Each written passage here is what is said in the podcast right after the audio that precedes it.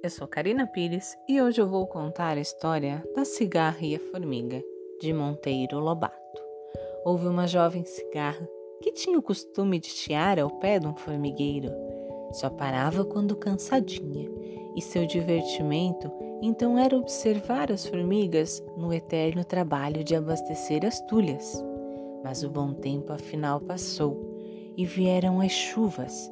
Os animais todos arrepiados passavam um dia cochilando nas tocas. A pobre cigarra, sem abrigo em seu galinho seco e metida em grandes apuros, deliberou socorrer-se de alguém. Manquitolando com a asa a arrastar, lá se dirigiu para um formigueiro. Toque, toque, bateu. Apareceu uma formiga friorenta, embrulhada num chalinho de paina. Quem é? perguntou, examinando a triste mendiga, suja de lama e tossir. Venho em busca de agasalho, o mau tempo não cessa. A formiga olhou de alto a baixo. E o que fez durante o bom tempo que não construiu sua casa? A pobre cigarra, toda tremendo, respondeu depois de um acesso de tosse.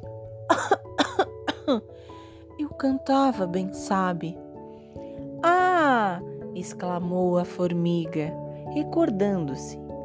Era você, então, quem cantava nessa árvore enquanto nós labutávamos para encher as tulhas? Isso mesmo, era eu. Pois entre, amiguinha, nunca poderemos esquecer as boas horas que sua cantoria nos proporcionou. Aquele chiado nos distraía e aliviava o trabalho. Dizíamos sempre: Que felicidade ter uma vizinha tão gentil cantora. Entre, amiga, que aqui terá cama e mesa durante todo o mau tempo.